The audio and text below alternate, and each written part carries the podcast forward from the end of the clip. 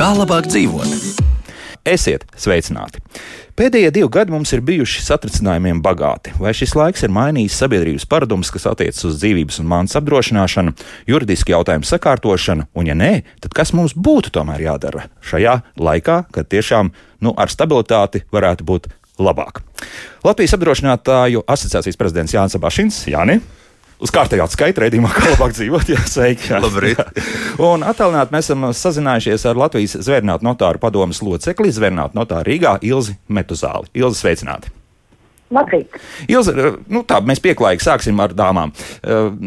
Vai tiešām ir kaut kas tāds, kas pēdējos divos gados saistībā ar pandēmiju un vēl vairāk ar karu Ukrainā ir mainījis mūsu iedzīvotāju paradumus un varbūt pie notāriem cilvēki ir sākuši nākt vairāk un dara kaut ko tādu, kas agrāk nu, nebija tik raksturīgs? Jā, pilnīgi noteikti. Pilnīgi noteikti pie notāriem šobrīd cilvēki nāk nevis ar uh, darījumiem, kas arī būtu, arī būtu labi, bet cilvēki nāk tiešām ar vairāk tādu dokumentu kārtošanu, kas liecina par nu, dažādiem aspektiem. Es izdalīju tādas trīs, trīs lielākas grupas. Tā pirmā uh, lielākā grupa būtu dokumentu sakārtošana pār tādiem īpašumiem, kas ilgstoši nav bijuši sakārtoti. Un tam varbūt pat iemesls drīzāk ir pandēmija nekā notikuma Ukrainā un, un pasaulē, jo ir bijis brīvāks laiks, ir bijis brīdis atvērt tās dokumentu mapas un saprast, ka tur var būt kaut kas tā kā līdz galam nav. Tie var būt īpašumi, kas nav ierakstīti zemes grāmatā, tās var būt ēkas būvis, kas varbūt nav nodots eksploatācijā un tagad ir laiks tam pievērsties, vai tieši pretēji laika zoba um, nograustas un ir tagad no, no reģistriem jā, ņemamas ārā. Tas ir arī uh, dāvanas bieži vien bērniem, mazbērniem, kas ir izdarīts kaut varbūt tie bērni, mazbērni jau sen dzīvoši konkrētos īpašumos, bet tikai tie papīri nav bijuši, kā saka, līdz, līdz galam uh, no, nodarīti. Tā kā tā būtu tā viena lielā grupa, kas tiešām sastāv lielu īpatsvaru. Uh, otrs nu, bloks, ja mēs tā varētu izteikties, ir dokumenti katram gadījumam, tā varētu varbūt tas formulēt. Tātad, ja nu kaut kas atgadās, vai ar mani pašu, vai ar manu veselību, uh, vai, vai, vai kas mani var pārstāvēt, bet, nu, par to jau tur, tur ir diezgan daudz tie jautājumi.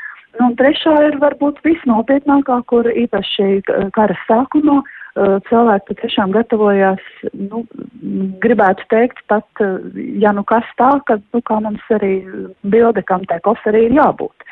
Mm, tā kā tur, protams, bija, bija dažādu dokumentu, gan atjaunošana, kā, kā dzimšanas, laulības, mm, izglītības dokumentu, un, un arī piekrišanas, piemēram, nepilngadīgiem bērniem robežu šķērsošanai līdz pat dokumentu legalizācijai, lai tos varētu izmantot ārvalstīs. Tā ka diezgan nopietni ir mūsu līdzcilvēki pie tā piestrādājuši, varētu teikt tā. Ja? Es teiktu, ka līdzcilvēki ir nopietni, piestrādā nopietni un, un tam ir šobrīd gan laiks, gan iemesls. Tā kā šobrīd arī mums katram pašam izvērtīt mūsu, mūsu juridiskās situācijas un faktiskās, kādās mēs esam, un arī tos dokumentus savist kārtībā. Mm -hmm. Par to noteikti vairāk arī runāsim vēlāk, bet tagad arī Jānim došu vārdu. Nu, jūs pat esat izpētījuši, ja, š, kas tad ir, kādi paradumi mainījušies arī apdrošināšanas jomā. Ja? Jā, nu mēs pajautājām cilvēkiem, jā, vai kaut kas ir mainījies viņu nostājās. Būtībā nu, tā bilde bija tāda, ka nu, lielajam vairumam nebija nekas mainījies. Pandēmija būtībā 20% cilvēku lika aizdomāties par šī nu, sauksim to, to par drošības spilvenu izveidi un, un karas, karš Ukrainā attiecīgi mazliet lielākam skaitlim, 25% lika aizdomāties. Bet, Nu, no, no vienas puses, tie skaitļi 20, 25% nav daudz, bet no otras puses, es domāju, ka eh, arī tie nav sliktākie skaitļi. Nu, ja atcerēsimies, jā, ka mums ir 10% Latvijas iedzīvotāji, kas vispār uzkrājums veido. Jā, jā tad, tieši tā. Tad ir, tā kā, ir mainījies. Jā, jā. Tā kā, no tāda viedokļa tas noteikti nav slikti, un, un, un, un arī tais mūsu aptaujās būtībā parādījās tas, ka cilvēki aizdomājās arī tas, ko notārs kundze pieminēja par dokumentu sakārtošanu, lietu sakārtošanu. Jo, nu, ja ar mani kas notiek, nu, kā, ko es aiz sevis atstāju, cik tie dokumenti ir sakārtot ģimenē, vai attiecīgi cik tie dokumenti nav sakārtot ģimenē. Un lielākajai daļai mums tie dokumenti nu, ir tā pa pusē sakārtoti. Nu, jā, kaut kad jau nu, nu, laika mums ir diezgan. Jā, jā vai jā. arī tas,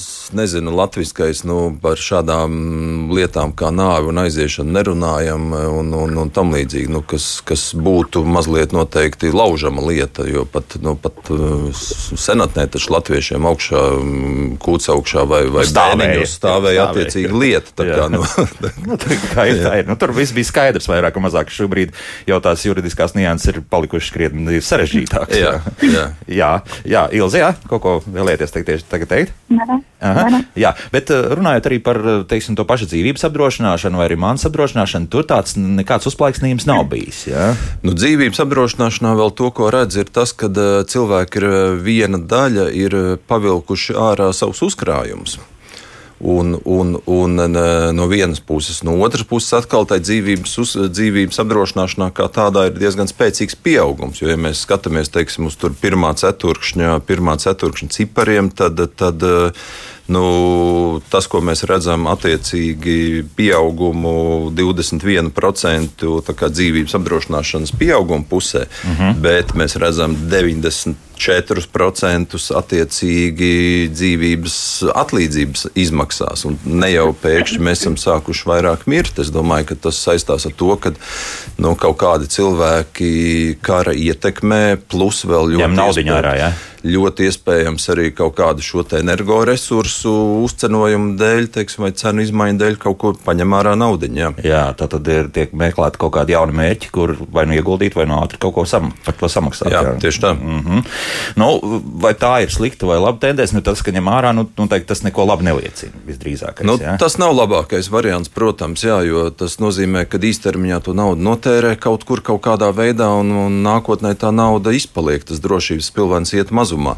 Bet tāpēc ļoti interesanti būtu redzēt, teiksim, otrā ceturkšņa datus. No otrās ceturkšņas vēl mums ir pusē, nu nav pusē iet uz beigām, bet uh, paskatīsimies, kā būs otrais ceturkšņs. Jo nu, tur es pieņemu, ka tā ārā ņemšana varētu būt samazinājusies. Tādēļ, nu, ka cilvēki mēs ļoti ātri pierodam pie tām sliktajām ziņām, un mēs zinām, ka Ukrainā ir karš. Nu, Mm, jā, aizskrienam, izņemam to naudu ārā, mazliet sabīstamies, pēc tam saprotam, mm, nu, ko mēs rāmām mm. to naudu ārā. Nu, līdz mums nekas nav atnācis, vai atnācis ļoti minimāli. Liks atpakaļ, jā, Liks atpakaļ, jā. jā nu, iespējams, saules baterijas kāds būs nopircis vēl kādu apkursu katlu un vēl kaut ko, jā, bet, bet jā. lielākoties iespējams, ka tā nauda tomēr atgriezīsies atpakaļ. Nu, tiešām būs interesanti, jā, kas, kas notiek ar to. Bet tagad atkal pie Ilzas. Nu, mm, kādi ir tie juridiskie dokumenti pārsvarā, kas tiek eh, kārtoti? Nu, tad arī testaments, mm, mantojuma lietas arī tiek tiek kārtots šobrīd vairāk, vai, vai tas ir palicis apmēram tāpat kā vienmēr?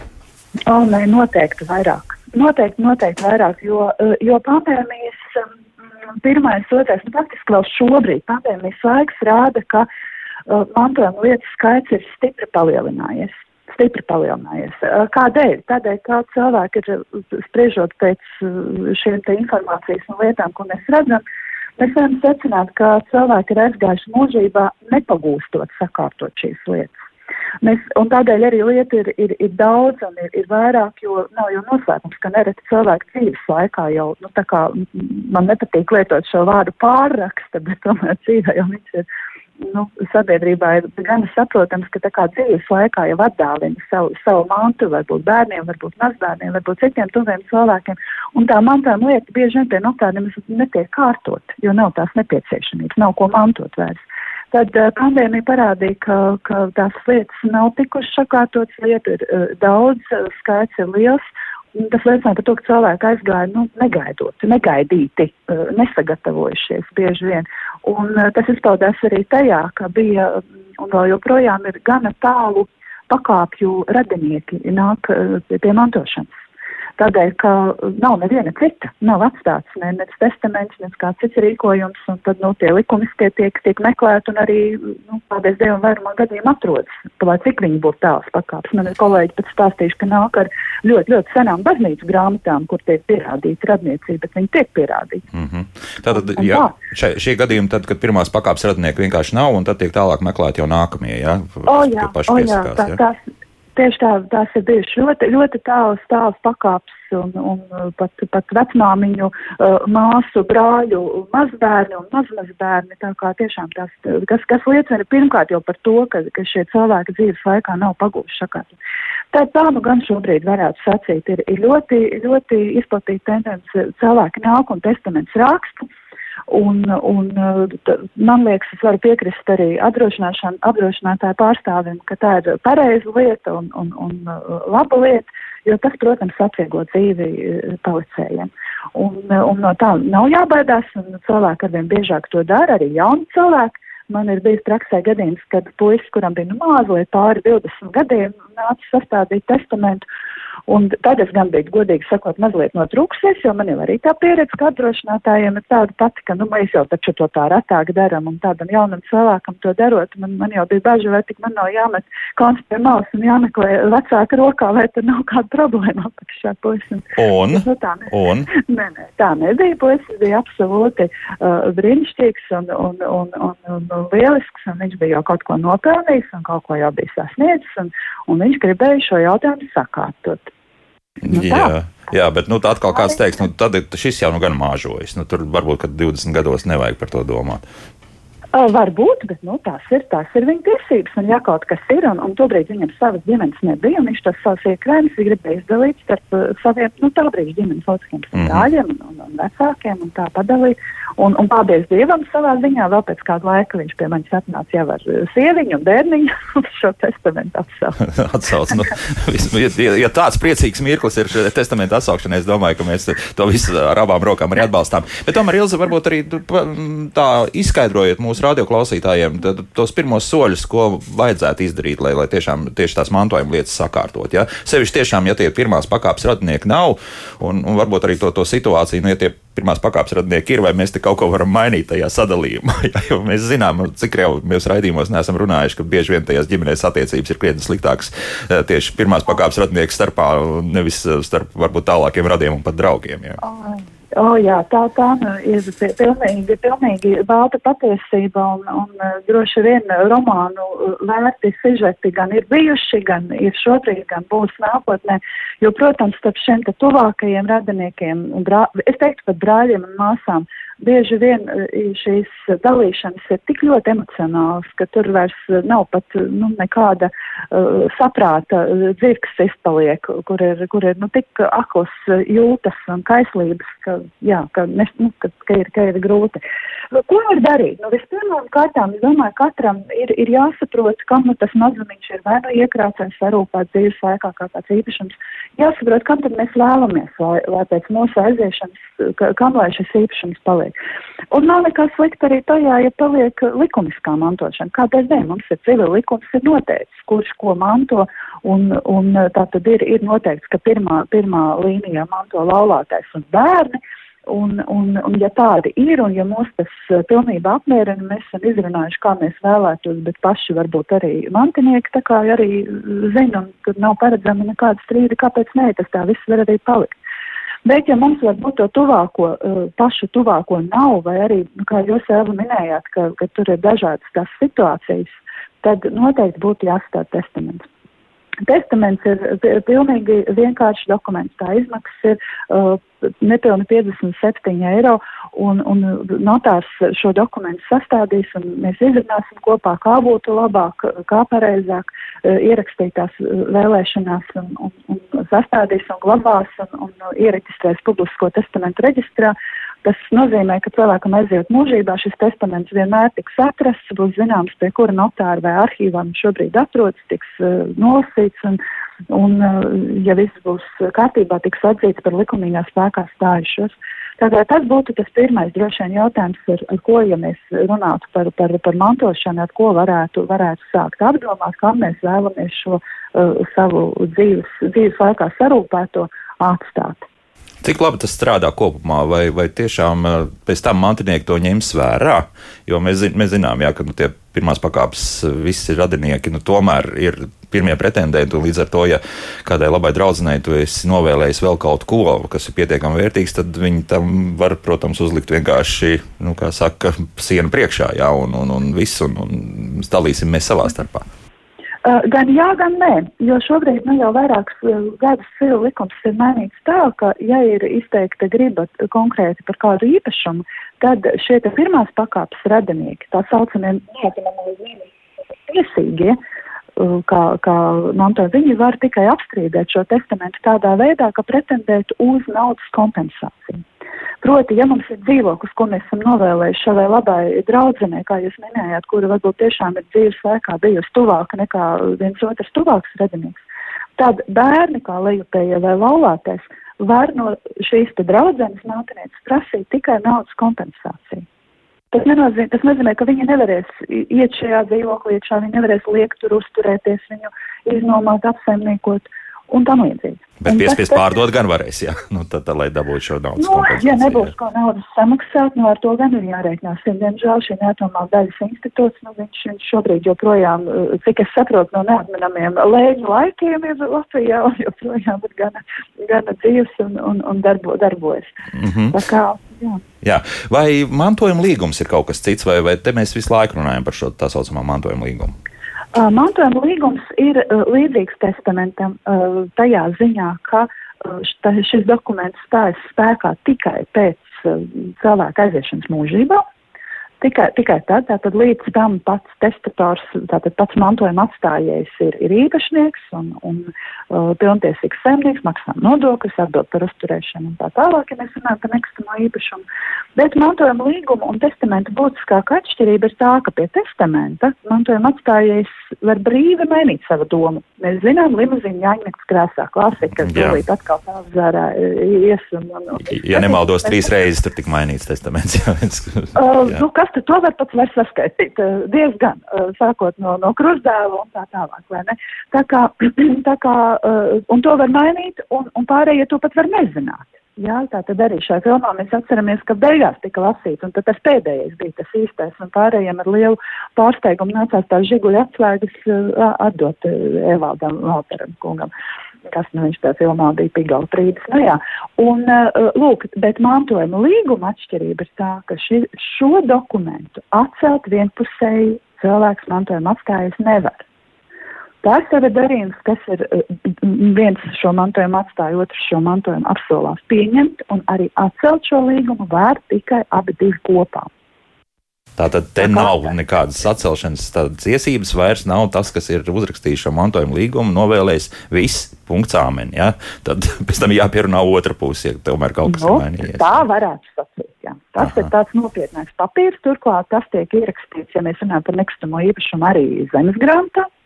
Un uh, pats mantojuma atstājējs vairs nevar brīvi rīkoties ar šo mantu bez mantinieku piekrišanas. Tā kā vēl ir tāds apgrūtinājums. Un kas notiek ar neatraidāmajiem mantiniekiem tādā gadījumā, ja tie tur nav pieminēti šajā līgumā? Tur nav atšķirības, kā pie testamenta, tā pie mantojuma līguma, un tās starp citu arī pie dāvinājuma neatraidāmie mantinieki, jeb neatņemamās daļas tiesīgie, kā viņas pareizi dēvēja, šobrīd ir tiesīgi šo kompensāciju prasīt. Gan Aha. pie testamenta, gan pie mantojuma līguma, gan pie dāvinājuma. Ja dzīves laikā, kas gan svarīgi, ja dzīves laikā jau šāda neatraidāmā, neatņemamā daļa nav jau saņemta jā, tāda svarīga nianse. Jā. Tā ir svarīga. Tā ir svarīga nianse. Jā. Labi, noteikti, ja mūsu radioklausītājiem vēl būs par šo jautājumu, noteikti mums gan zvaniet, gan arī rakstiet. Mājaslapā darbojas mūsu studijas tālruņa arī, protams. Bet tagad arī par apdrošināšanu runājot, nu, par to pašu dzīvības apdrošināšanas polisēm. Tur arī kaut kādas nianses ir, kā atstāt, kas būs nu, diemžēl, ja cilvēks aiziet aizsaulē, saņēmējs un tā tālāk, tur kaut kādas ievērot un, un saistībā arī ar to, ko mums notārs kundze izstāstīja. Nu, ja? Būtībā jā, jo katrai, katrai dzīvības apdrošināšanas polisei ir tāda ailīte, kas saucās labuma guvējs. E, nu, un tad ailītē tu vari kaut ko ierakstīt, vai vari arī neierakstīt. Un, un tad līdz ar to, ja, ja tu neko neieraksti, tad, e, tad šī polisa iekrīt šī kopējā mantojuma masā. Nu, tad, jau, tad jau tur ir darīšana pie notāriem un juristiem, kā to, kā to visu sadalīt. Un, ja tev ir skaidri un gaiši ierakstīts, ka labuma guvējs ir persona X vai, vai, vai Y, nu, tad attiecīgi šī, šī persona arī uz šo, te, šo te atlīdzību, atlīdzību attiecīgi kandidē. Jā. Tā kā jā, šāda ailīte ir un šāds ieraksts ir, ir veicams. Un mm -hmm. būtībā, cik es zinu, tad lielākajā daļā dzīvības apdrošināšanas polišu arī, nu, es teiktu, procentos 80, 90 arī tāds, tāds ieraksts parādās. Nu, kas būtu diezgan loģiski. Jā, tas būtu diezgan loģiski. Jā, jā bet Ilzi, tiešām tur atkal mēs runājam par neatraidāmajiem mantiniekiem, un ir kāds cits cilvēks ierakstīts, vai te nerodas arī kaut kādas tiesu lietas, vai, vai kā citādi, vai tur atkal ir diezgan stingra kārtība, ka tādā gadījumā runāsim par to pašu mistisko draugu, kuri pēkšņi saņēmuši apdrošināšanas polises, nu, kurai vajadzētu saņemt uh, šo atlīdzību. Viņi tomēr nu, nevar saņemt tieši tāpēc, ka nu, ir arī pirmās pakāpes radinieki. Ja? Uh, nē, nē. Uh, ja būs cilvēks ierakstījis pusē, ka draudzene saņem šo apdrošināšanas atlīdzību, kā minēja apdrošināšanas pārstāvs, tad šī atlīdzība mantojuma masā vispār neietilps. Tomēr, jā. Tad viņa, mm -hmm. viņa neietilps, nē, nē, tā neietilps. Tā, tātad šī apdrošināšanas atlīdzība, ja drīkst izteikties, pat taisno tiks, tiks saņemta un tā nebūs mantojuma masā. Turpretī, ja ailīte būs tukša, kā, kā minēja līgumā, apdrošināšanas līgumā, ailīte būs tukša un, un tātad ir paredzēts, ka, mant, ka šī atlīdzība tiek nodota mantiniekiem likumā paredzētajā kārtībā. Un, ja būs testaments, kur, piemēram, visa manta būs novēlēta draudzenei, tātad tajā skaitā šī apdrošināšanas atlīdzība, tad gan arī neatņemamās daļas tiesīgi varēs pretendēt uz savu neatņemamo daļu no šīs apdrošināšanas atlīdzības. Tāda nianses, jā. Bet uh, vai, mm -hmm. par uzkrājošo dzīvības apdrošināšanu tas pats attiecas? Tas ir tieši tas pats, vai tas, jo tai uzkrājošai jau, nu, ja mēs skatāmies uz dzīvības apdrošināšanu, tad būtībā nu, tā ir vai nu tā, kā mēs viņu saucam, tīra tīra riska dzīvības apdrošināšana, kur uzkrājuma sadaļas nav nekādas, un tad ir tādas, kur ir tas uzkrājums. Un, un būtībā tur bez, bez starpības nav nekādas. Tas labuma guvējs ir ierakstāms kā vienā, tā otrā, un vai tas ir ar uzkrājumu vai bez tam nav nozīmes. Tā tas labuma guvējs var būt, var būt vai var nebūt gan vienā, gan otrā. Mm -hmm. Jo tas otrs gadījums, kur to uzkrāšana, nu, tāda ir tāda zināmā mērā naudas uzkrāšana. Būtības, jā, jā, bet tas nu, ir kombinācija. Tā ir kombinācija gan uzkrājumam, gan šai dzīvības apdrošināšanai. Jo, ja mm -hmm. kaut kas notiek šai polises darbības laikā, tad tur attiecīgi visbiežāk, es domāju, ka tas atkal ir 99% gadījumu, kad parādās šis labuma guvējs un šī uzkrājuma polise pilda abas šīs funkcijas, gan uzkrājumu uzkrājumu. Ja nekas nenotiek, tad ir uzkrājums. Un, ja attiecīgi kaut kas notiek, nu, tad ir pilnīgi skaidrs, ka ir labuma guvējs, kurš tad, kurš tad attiecīgi šo atlīdzību saņem. Mm -hmm. nu, mums sāk radioklausītāji lēnā garā rakstīt arī mājaslapā. Domāju, ka studijas zvani mums arī būs. Tāpēc laiks mūzikai, un pēc mūzikas mēs atgriežamies un jau sākam risināt iespējams ļoti konkrēts jautājums, par ko mums arī radioklausītāji jautā. Latvijas apdrošinātāju asociācijas prezidents Jānis Abašins un Latvijas zvērnāta notāra padomas loceklis zvērnāta notāra Rīgā Ilze Metuzāle. Mani gan attālināti, gan arī studijas viesi. Kā labāk dzīvot? Mēs turpinām runāt par to, ko tad un kā ir mainījušies mūsu paradumi pēdējo divu gadu laikā. Jā, satricinājumi bijuši pietiekami daudz, pandēmija, tagad karš Ukrainā, attiecībā gan uz apdrošināšanu, visdažādākā veida apdrošināšanu, un, protams, arī juridisku dokumentu sakārtošanu. Un šobrīd mums kāds radioklausītājs diezgan ilgi gaidīs pie tālruņa, tā kā lūdzu, jūs varat jautāt. Halo! Halo! Halo. Jā, jūs teicat. Es gribēju pajautāt par testamentu izpildītājiem. Ja cilvēks ir vecs un vientuļš, vai bāriņa tiesa nevar noz nozīmēt testamentu izpildītāju? Labi, paldies. Ilzi, ko jūs teiksit? Mm, esmu apjukusi testamenta izpildītāju vāriņas. No testamenta izpildītāju parasti testamenta izpildītāju nosaka pats eh, cilvēks, kurš sastāv testamentu. Nu, tā kā mantojuma atstājies stādot testamentu, var noteikt personu, kurai būtu tas pienākums uzraudzīt, uh, lai tas testaments tiktu izpildīts. Nu, tas pārsvarā attiekt uz kādām kustamām mantām un, un to sadalīšanu. Uh, bet jautājumā es baidos, ka es īsti nesapratu. Varbūt, ka ka kas ir domāts ar nu, to. Ik pa brīdiem mēs esam runājuši, jā. ka bāriņties risina pietiekami daudz juridiskus jautājumus un, un var arī sakārtot kādus dokumentus, un līdz ar to varbūt arī to mūsu radioklausītāji domā, ja, ka arī šeit kaut kādā veidā to var darīt. Uh, nu, ir atsevišķi dokumenti, kurus bāriņties notariāli drīkst apliecināt, bet, cik man zināms, testaments nav no tiem, kuru, kuru var mhm. apliecināt bāriņties vai bāriņ, bet Nē, lai gan kļūdos. Vismaz agrāk varēja, varēja gan. Man ir jāskatās, kā tas ir šobrīd, bet, bet ir bāriņtiesās arī tiek apstiprināti testamenti. Jā, tā ir taisnība. Tāpat testamentu var nodot arī glabāšanā bāriņtiesā. Tā kā jautājums ir par to, tad var noteikti arī bāriņtiesā pavaicāt, vai, vai bāriņtiesa to, to mm -hmm. dara. Tā esam tikuši to galā. Eh, plus vēl eh, līdzīgs jautājums no jautājuma puses. Testamentā iesaistītās puses var tik neapziņotas. Tātad eh, mēs šeit uzreiz runāsim par tiem, tas, ka tiešām tiek apstiprināts pie notāra, ja, šis testaments. Mm -hmm. jo mēs jau varam uzrakstīt arī no rokas, parakstīt un atdot tiešām kādam savam labam draugam vai, vai radam, bet, bet nu, tad pie jums ir viss apstiprināts. Tad vai mm -hmm. pastāv tāda iespēja, ka neapziņos? Tāda iespēja var pastāvēt tādā gadījumā, ja pirmkārt persona nav identificējama, kas ir testamentā norādīta kā mantinieks. Un, un tāda gadījuma īpaši ar uh, roku rakstītos privātos testamentos ir pietiekami bieži. Mm -hmm ir pietiekami bieži. Man ir, uh, man ir bijis uh, ar privāts ar roku rakstīts testaments, kurā ir, uh, zinām, naudas summa novēlēta uh, personai, kurai minēts tikai vārds un telefona numurs.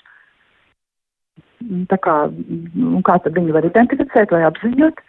Nu, ar telefonu var būt, bet uh, ja abonents ir, piemēram, piedodiet, uh, uzņēmums, Jā, un tad, un, un kas tad notiek? Kā jūs, kā jūs rīkojaties? Nu, jūs te lasāt uh, to, to papīru, un tad uh, kāda ir nākamā rīcība? Nu, pieņemsim, labi, ir vārds, uzvārds un, un telefons. Nu, tad jūs zvanāt vai, vai kā, kas, kas notiek? Uh, nu, gan, gan zvanām, gan, gan risinām, un, un, un šo konkrēto gadījumu arī, arī atrisinājām, jo uh, Uh, nu, tikai tā tad iesaistīts. Pirmkārt, uh, nu, ja mēs jau vecām tieši par šo, tad uh, es uh, pieprasīju izziņu no, mm, ja nemaldos, tas bija LMT, bet nu, nav arī būtiski no, no pakalpojumu sniedzēja, tātad uz kā vārdi tad ir šis telefons numurs. Tad mēs tālāk, protams, nostād, tas bija uzņēmums, tad uzņēmums sniedz apliecinājumu, kuram tad, kurai tad personai šis telefons tiek izsniegts lietošanā. Nu, un par laimi pārējiem mantiniekiem nebija iebildumi. Viņi atzina, ka jā, ka šī tiešām ir persona, kura, jo tas nebija viss mantojums, tā bija tikai neliela daļa, kurai ir cienīgi arī saņemt šo mantojumu. Nu, tādā veidā mēs šo situāciju atrisinājām. -hmm. Tad ir arī ar roku rakstīts ir piemērs, kur, par ko nu, arī lūgums rakstīt precīzāk, jo mm, kā, nu, kā izdzīves, kad novēlēts div, krievu valodā rakstot mana divkāršā brālēna meitai Anastāsijai, kas nu, arī nav telefona, vai, vai nav ne telefona, nekā laikam, nu, tik var saprast vārdu uzvārdu. Bet tā tad, ja ir norādīta šī radniecība un nav personas koda, tā tad ir jākonstatē radniecība. Nu, kas mums notiek ar radniecību padomu laikā izsniegtiem dokumentiem, īpaši, ja tie nav Latvijā, bet uh, citās padomu republikās izsniegt. Ticiet man, dāmas ar dzimšanas gadus mainījuši uz nebēdu tajā laikā. Liet iedomāties, uz kuru pusi. Jā. Un, un kā tad man tā radniecība pierādīt, piedodiet, ja man ir, ja man ir uh, viens dokuments, uh, kurā ir brālis dzimis janvārī un māsa ir dzimis martā, nu, tad ko tad darīt? Nu, vienmēr nu sakot, pastāv arī situācijas, kad šāda roku rakstītie visdrīzākais testamenti varētu būt diezgan nederīgi, vismaz daļā. Uh, ja? Nu, viņi varētu būt grūtāk izpildāmi, es teikšu tā, jo, jo protams, mm -hmm. ka mēs cenšamies, un likums saka, ka tie ir jāpild, un arī šajā gadījumā caur tiesu tika konstatēts fakts, ka tā radniecība ir, un, un ka ir šis, nu, tā, tas tālākais, tas rats, caur kuru, cūko, caur kuru tā radniecība bija jāpierāda, ka te ir brālis un māsa, un, protams, tas testaments tika atzīts par spēkā stājušos, jo tā jau bija testatora griba. Bet, ticiet, man mantinieki būtu bijuši pateicīgāki, ja šīs ziņas būtu ierakstīts precīzāk, jo tas būtu viņiem daudz, daudz atvieglojis dzīvi. Tā ir viena lieta. Otra lieta, kad var arī netikt apzināti cilvēki, tad, ja viņiem, uh, piedodiet, nav deklarētās dzīvesvietas, un mantinieki nezina, kur viņi ir atrodami. Vai arī šajā dzīvesvietā viņi nav atrodami. Bet, jo, ja viņš dzīvo ārzemēs, pieņemsim, un, un, un tad arī ir problēmas. Tas nozīmē, ja viņi nezina, pieņemsim, Lielbritānijā, nu kaut kur viņš ir, bet, bet mēs zinām tikai varbūt personas kodu, varbūt par to arī, nu, jā, zinām dzimšanas gadu un vārdu un uzvārdu. Nu, ja ir personas kods, tad, tad jau ir drusīgi vienkāršāk, jo pēc personas koda, protams, ka ir uh, deklarētā dzīvesvietas adrese, kur mēs prezumējam, ka persona norādījis šo adresi kā adresi, kur valsts iestādē tā ir sasniedzama. Tad mēs, protams, sūtam uz šo deklarēto adresi un uh, paļaujamies, ka, ka, ka, ka cilvēks ir bijis pietiekami atbildīgs un uh, ir norādījis, ka tieši šo, šeit viņš taps, taps atrasts. Tā kā, tā, kā, tā, tā, tā, tā tas notiek. Vēl, ja, ja adrese ir ārvalstīs un nav ne personas kode vai, vai tantei Martai Krievijā, piedodiet, nebūs samazināšana iespējama. Nebūs iespējama, jā.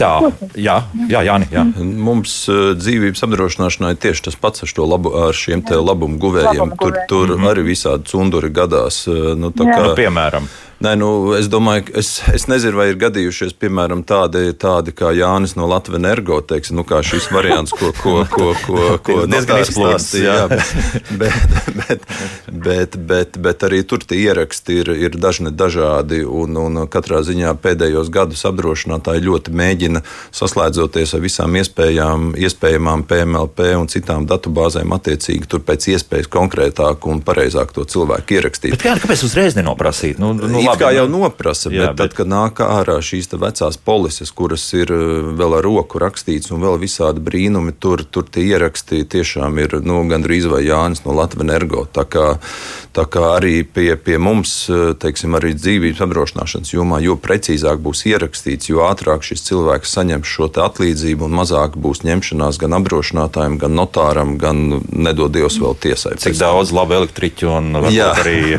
santehniķi ir zaudējuši pieklājīgi pieklājīgas naudas summas uz šī rēķina. Jā. Jā, nu, tas tāds uh, melns humors drusciņš, bet, bet nu, tā tas ir. Tā, nu, paklausīsimies, kā klausītāji ilgi gaidījis vai gaidījusi. Lūdzu, jūs varat jautāt? Lūdzu. Uh, labdien! labdien. Uh, man ir tāds jautājums. Uh, par tiem neatraidāmajiem mantiniekiem. Teiksim, tie bērni un vecāki sniedz vienu, uh, bet vai neatraidāmie mantinieki ir arī māsas, brāļi, viņu bērni, Cik, tā, cik liels ir tas neatraidāmo mantinieku lokus? Labi, jā, paldies. Jā. jā, liels paldies par jautājumu. Brāļi un māsas, un vēl vairāk viņu bērni nav neatraidāmie mantinieki. Nav, nav, Viņi nav. Mm -hmm. Viņiem nekāda obligātā neatņemamā daļa jāatstāj nav.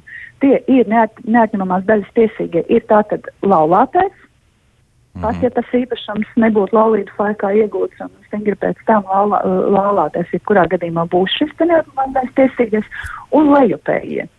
Ar to saprotot ar šo vārdu, kāpēc ir lejupējie. Tātad tie var būt gan bērni, gan arī mazbērni. Ja tas bērns pa vidu var būt, nedodies, būtu aizgājis mūžībā pirms uh, nu, pašu, pašu mantojuma atstājēji. Mm -hmm. Tāpēc lejupējie.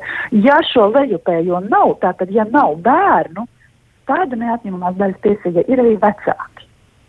Ir arī vecāki. Ja, mhm. ir arī, ja nav bērnu, ja jā, nav bērnu, jā. ja nav mazbērnu, tad neatņemamās daļas tiesīga būs arī vecāki. Bet nu, katrā gadījumā sieva, vīrs un, un bērni tas ir, ir pirmie. Jā, tātad, tie ir pirmie. Tie, tie ir pirmie. pirmie un, un ne brāļi, ne māsas Nē, nē, nekādā gadījumā. Nu, mēs jau, pašā sākumā teicu, ka tās ģimeniskās attiecības bieži vien ir dīvainas. Nu, pieņemsim, Ilz mums raksta šādi. Pat ne dīvains gadījums, bet ļoti, varbūt pat tipisks. Vēlos, lai manu mantu manto mani mazbērni, kur māte, mana meita, diemžēl mirusi, bet tēvs ir dzīvs. Kā lai nodrošinos par to, ka bērnu tēvs nesāk pats rīkoties ar no manas mantoto mantu bērnu vārdā, bet ne bērnu interesēs? Mm -hmm. uh, es domāju, ka par šo uh, Ilzai, manai vārdu masai, varbūt nebūtu jāsatraucas. Jo, cik es saprotu, mazbērniņa ir nepilngadīga. Un uh, šobrīd uh, ir tā, ka nepilngadīgo bērnu intereses attiecībā uz mantojumu ļoti stipri kontrolē bāriņties. Tas gan ir mhm. bāriņties kompetents jautājums. Un, un lai, nu, lai nu tur varbūt šis, ka reizēm, ka tās ir papildus formalitātes, tomēr manā ieskatā tās ir ļoti nepieciešamas un, un, un, un vērtīgas, jo ir jābūt institūcijai, kas, kā, kā arī Ilgas jautājumā, pasargā no, no šīm te, vecāku, vecāku iespējamām darbībām ar, ar mantu. Bet vēl var arī testamentā arī vecmāmiņa, nu šajā gadījumā, ka, kura vēlas atstāt mazbērniem mantojumu, noteikti var arī e, iecelt tieši tā maz, mantojuma aizgādni līdz pilngadībai. Jau var norādīt, ka viņi vēlētos, lai tās mantas pārvaldnieks, nepilngadīgo mantas pārvaldnieks būtu nevis viņa tēvs, bet varbūt krustmāmiņa.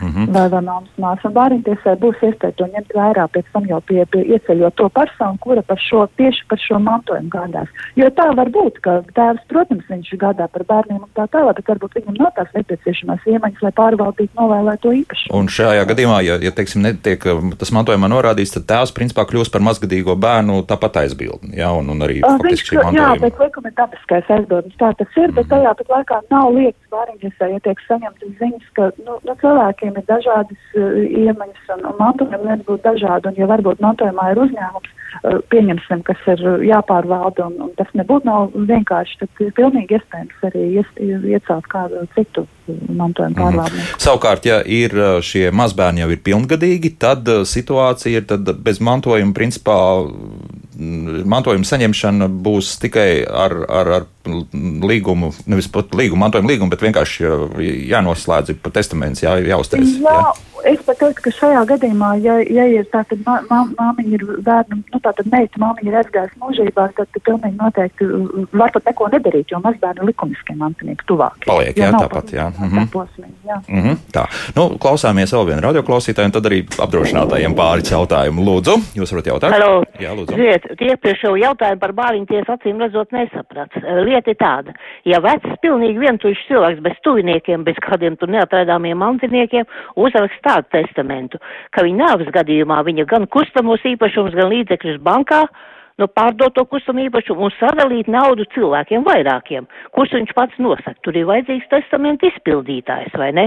Bet, ja vai bāriņa tiesa var nozīmēt tādu testamenta izpildītāju, kas godīgi arī izpildītu to testamentu? Nu, labi, paldies. No, paldies. Es sapratu, ka tāda testamentā nav noteikts šis cilvēks, kas to mm -hmm. pārdošanu veids tad, tad, tad bāriņties arī būs tā institūcija, kurai būs jāieceļ. Viņu varbūt nesauks tajā brīdī par izpildītāju, bet par mācām aizgāt, bet tam nav būtisks nozīmes. Mm -hmm. Jo tas ir tas, jo, tā, tā, tad, jo ja nav testamentā noteikts, kurš to dara, ja ir vienkārši ierakstīts, ka jāpārdod ciešamā kārta, nevis darāmā kārta ir jāpārdod, nu tad, tad kād, kurš tad to darīs? Tad kādam ir jāieceļ šī institūcija, un tādā gadījumā tā būs bāriņties. Jā, Ils, bet vai, vai šeit zvērnāt tiesa izpildītājs nedara? Kaut kādā veidā?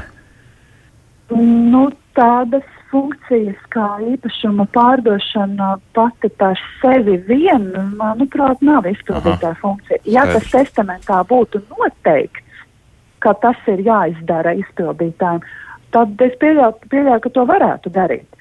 Bet, eh, bet eh, šeit arī, protams, ir ļoti, ļoti vēlams. Tāds testaments var būt arī tādi ir, kā saka, ir, ir bijuši gan sastādīti, gan arī uh, vēlāk arī izpildīti, bet ir ļoti, ļoti šādā izvēlē nepieciešams varbūt iecelt konkrēts, konkrēts cilvēks, kurš to darīs, jo bāriņu tiesā jau arī nav nekāda mantojuma aizgādņu vai izpildītāju reģistra, kur tad mm -hmm. viņi ieskatītos, aha, tagad mums ir rinda ir Andrim, un tagad nāk viņš izpildīt šo. Tāda reģistra jau nav nav, šāda amata nav, tad kur tad bāriņties to cilvēku, uh, lai ņem, kā saka, uzticamo visnotaļ un, un prasmīgo šādās lietās. Tādēļ par to noteikti ir jādomā pašam cilvēkam, kurš šādā. Kas, kas to visu arī tālāk darīs, jā, jā. uzņemsies, jā. Tā, nu tagad, uh, Jāni, nu, no vienas puses, drīzākais, ka tā ir tāda ar ironiju rakstīts uh, jautājums. Gustavs jautā, vai var apdrošināties pret zemu pensiju, nu vismaz 1000 eiro, bet principā jau var mēģināt. Ne, nu, mēģināt jau var visu, ko var Jā. mēģināt arī, nezinu, cirka roni pret tiesnām apdrošināt. Mm. Tikai jautājums, cik tas viss maksās un, un, un, un kur to varēs izdarīt. Teiksim, apdrošināties pret zemu pensiju, vismaz tādu apdrošināšanas produktu Latvijā es neesmu manījis. Nu, bet tāpat uzkrājušana dzīvības apdrošināšana pēc būtības jau ir kaut kas līdzīgs. Ja mēs ejam tādā virzienā, tad pilnīgi noteikti, jā, tad uh, caur to apdrošināšanos arī, teiksim, pret šo zemo pensiju mēs arī apdrošinamies. Mm -hmm. Bet tīri tā, nu, ja man būs zema saņemama pensija no valsts puses, tad attiecīgi saņem kaut kādu apdrošināšanas kompensāciju. Nu, tādu gan es neesmu dzirdējis. Bet pats tu vari to apdrošināšanu sev sagādāt. Nu, Piedāvāt veidā. apdrošināšanas kompānijai, vai viņi nevēlas tā. Jā, kaut ko tādu. Tieši tā. Bet nu, būs jā. par to jāmaksā. Jā, skaidrs. būs gan, jā. Būs par to jāmaksā. Vēl viena lieta, kā apdrošinātājs, pie kura fiziska persona ir noslēgusi dzīvības apdrošināšanas līgumu, uzzina par savu klientu nāvi. Klients noslēdz apdrošināšanas līgumu, norādot personu, kurš saņem šo atlīdzību. Norādītais apdrošināšanas atlīdzības saņēmējs par šādu līgumu nemaz nezina. Tā ir Gita jautā. Jā, nu, tas ir tieši tas pats, kas notāriem, mm. kad, kad eh, dzīvības apdrošinātājs šo labumu guvēju, ja šis te, mm, cilvēks ir aizgājis viņa saulē, tad attiecīgi dzīvības apdrošinātājs šo labumu guvēju meklē pa visiem iespējamiem reģistriem un, un meklē ciet visos iespējamos veidos. Un, un jo skaidrāk un, un vienkāršāk un pareizāk būs norādīts, ka tas ir tur, nezinu, Jānis Bērziņš un personas kodu tāds un tāds, jo, jo vieglāk attiecīgi un ātrāk attiecīgi attiecīgi ir šo labumu guvēju atrast. Jo nu, reizēm tas tiešām nav viegli. Cilvēki ir deklarējušies vienā vietā, dzīvo pilnīgi citā vietā, vēl ārzemēs un tam līdzīgi. Tā kā mēdz būt, kad paiet tur pusgads vai gads, kamēr atrod to cilvēku. Mm -hmm. Ils, līdzīgs jautājums par, par notāru lietām arī starp citu. Proti, mūsu radioklāstais Renārs, kurš ir īrējis istabu un dzīvokļu saimnieks pensionāri informēja mani, ka vēlas norakstīt dzīvokli. Uzrakstīja testamentu ar roku, pajautāja pasas kopiju un aizgāja it kā pie kāda notāra to noformēt. Pēc gada tiešām kundze aizgāja aizsaulē, taču tā arī nav īsti zināms, pie kura notāra testaments ir palicis. Un jautājums ir, vai visi testamenti ir elektroniskajā datubāzē un tos varētu šo arī atrast. Attiecīgi, ja tāds ir noslēgts. Ar roku rakstīts testaments nebūs datubāzē. Tā tad. Tāpēc tas nebūs. Tātad tas ir privāts testaments, un to jūs varat meklēt tikai izīrētājs atvilkt. Kā, kaut kur atvilkt, bet, bet te ir kā, viņi kaut kur gājusi tā kundze. Vai tas vispār ir iespējams bez tās personas, kam tas viss ir novēlēts, da, dalības, ja tikai ar pasas faktiski datiem, ka, ka tas ir pēc tam kaut kā pie notāra ir jau kā uzlikts elektroniskā veidā un tā tālāk?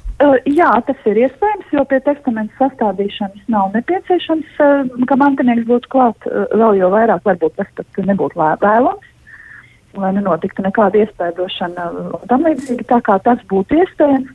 Bet šeit ir jāatcerās, ka joprojām Latvijā ir divi veidi testamenti iespējami. Tātad viens ir notariāls testaments, kas būs tātad šajā te testamentu reģistrā ierakstīts mm, obligāti un atrodams.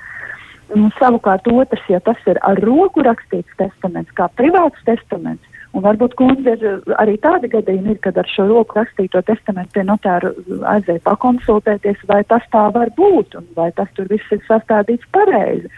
Un, un varbūt, ka kundze nemaz nav vēlējusies šo vēlmi nu, publiskot un apliecināt materiālu. Tā kā, tā kā var būt visādi. Varbūt visādi, jo, jo, ja šis testaments būs publisks, tad jūs vienmēr varat mantojuma reģistrā uzzināt, noskaidrot, pie kura notāra tiek kārtot mantojuma lieta. Tātad zvērnēt notāra padoma, padomas rīcībā ir mantojuma lietu reģistrs, kur ir visas mantojuma lietas reģistrētas, un tātad to, to uzzināt nevajadzētu problēmām. Un tad arī attiecīgi var vērsties pie šī notāra un noskaidrot, vai mantojuma lietā tāds testaments ir. Mm -hmm. Bet, ja šis testaments būs ar roku rakstīts privāts testaments, tad ir, tad ir turpat mājās viņš droši vien jāmeklē. Būtu bijis jāmeklē, ja nu, laikam laiks ir pagājis un nekas tālāk arī nav noticis. Vēl vien pielikšu klāt, uh, Raimons mums jautā šādi, kopš padomu laikiem dzīvoklis ir bijis uz vīra vārda. Vīrs pirms četriem gadiem nomira, sieva turpina dzīvot šajā dzīvoklī, maksā rēķins, bet nav pieteikusi mantojumu. Uh, ir lasīts, ka mantojums jāpiesaka gadu laikā, vai tad tagad nav par vēlu sakārtot juridiskos jautājumus? Uh, noteikti nav par vēlu ir, ja, ja mantojums ir jāpieņem gada laikā, bet šo, tā ir taisnība, bet mantojumu var pieņemt gan uh, uzrakstot iesniegumu pie notāra, gan arī ar savām darbībām. Un, ja kundze turpina dzīvoklī dzīvot un turpina par to maksāt, tad jau nebūtu pamata neuzskatīt, ka viņš šo mantojumu nebūtu pieņēmis un no tā mhm. būtu atteikusies. Tā kā, tā kā mantojums noteikti ir, ir jāuzsāk un noteikti ir, ir, ir jādara.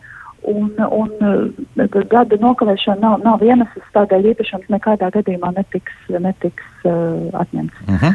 Skaidrs. Ieva jautā, Jāni, ja dzīvības apdrošināšanai labam guvējs ir vīrs, bet, piemēram, abi nomirstam, vai atlīdzība aizies uz mantojumu parastajā kārtībā, kas notiks?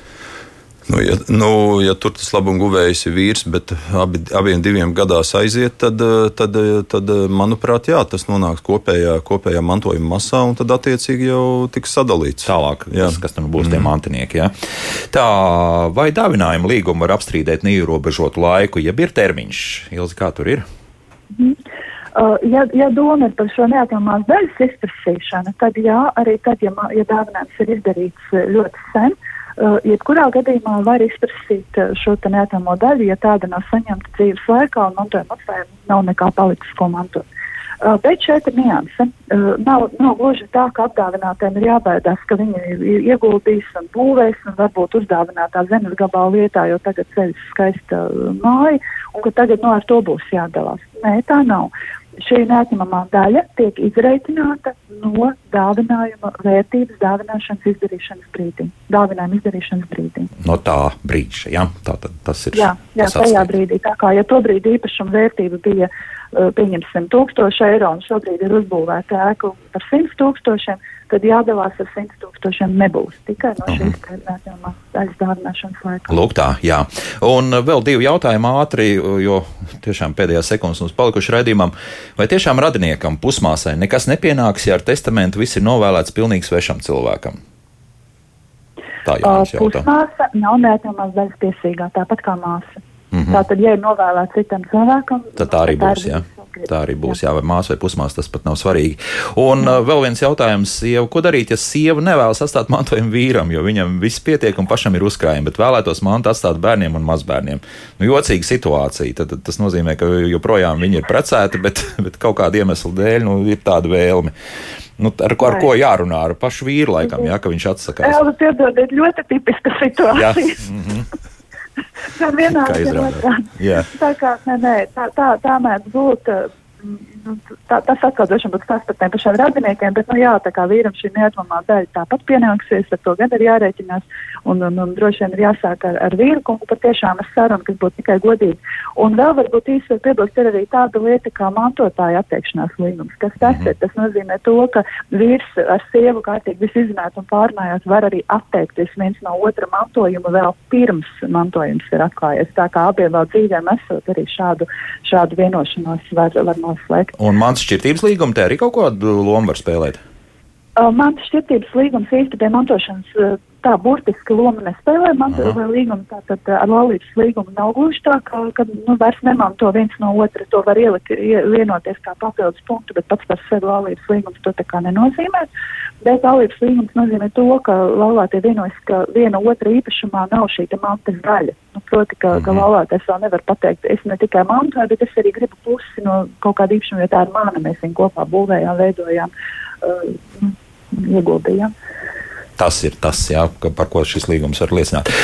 Nu, šodien jāsaka paldies, un uh, es teikšu arī lielu paldies mūsu radioklausītājiem par uh, tik uh, lielu atsaucību un jautājumu rakstīšanu. Es nedaudz atvainošos mūsu tālruņa lietotājiem. Tur gan mēs visus jautājumus nepaspējām paņemt. Tur tiešām mums zvanīja diezgan daudz, bet vismaz mājaslapas jautājumus šodien izanalizējam. Tas arī pat eh, paldies un druskuļi paglaudīšu sev arī galvu par to, ka izdevās. Jo tas izdodas salīdzinoši reti.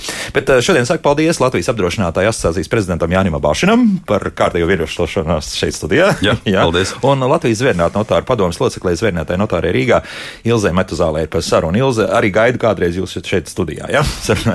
Paldies, vēl ar prieku. Visu labu, laimīgi, jauku dienu un tiekamies jau pavisam drīz. Atā!